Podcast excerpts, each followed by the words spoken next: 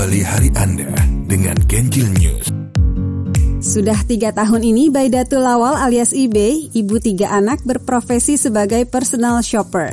Ia membantu orang yang dengan beragam alasan tidak bisa atau tidak mau pergi sendiri ke toko.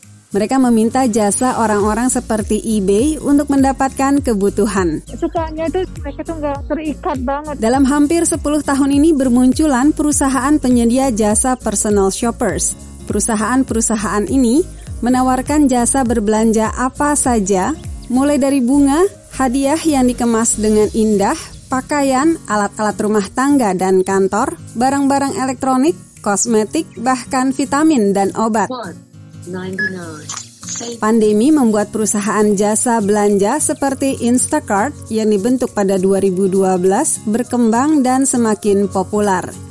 Pemesanan melalui perusahaan ini yang dengan mudah diakses melalui aplikasi ponsel naik sampai 350 persen, mengantarnya dengan cepat go public. Instacart yang berbasis di San Francisco awalnya menyediakan hanya jasa berbelanja di pasar swalayan – tetapi lalu berkembang melayani belanja di toko-toko lain.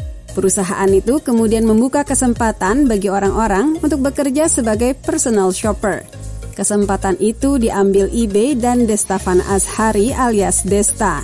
Keduanya tinggal di Virginia dan mengaku tidak keberatan menjual jasa seperti itu. Menentukan tuh kita sendiri gitu. Kalau kita memang mau besar ya kerjalah gitu, ambillah ordernya banyak gitu kan. Menurut Desta yang terjun menjadi personal shopper sejak awal pandemi, jasa sebagai pembelanja semakin dibutuhkan karena orang tidak mau berisiko tertular virus. Bisa mendapat penghasilan yang lumayan walaupun pandemi. Mereka tidak mau keluar rumah apalagi ke tempat umum yang ramai seperti pasar swalayan, sekalipun untuk berbelanja kebutuhan sehari-hari.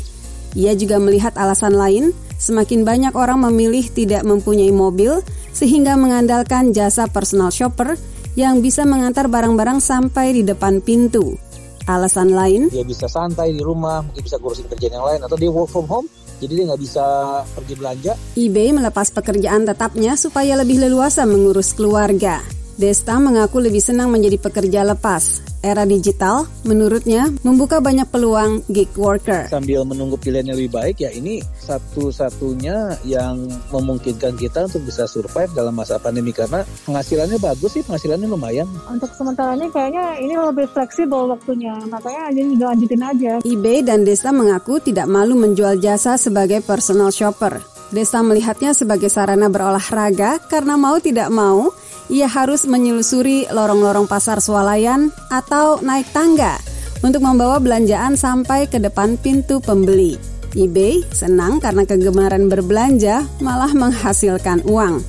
Hasil kerja personal shoppers diberi peringkat yang dinilai dari kecepatan, pelayanan ekstra, misalnya menawarkan alternatif untuk barang yang tidak tersedia, atau kesediaan bekerja di luar jam kerja yang umum. Kita menjual customer service. Rating yang baik memungkinkan mereka lebih sering mendapat tawaran kerja dan sesekali mendapat tambahan tips atau bonus dari pemakai jasa maupun dari Instacart. eBay misalnya pernah mendapat tips tambahan 100 dolar. Alhamdulillah. Karlina Amkas, VOA, Washington.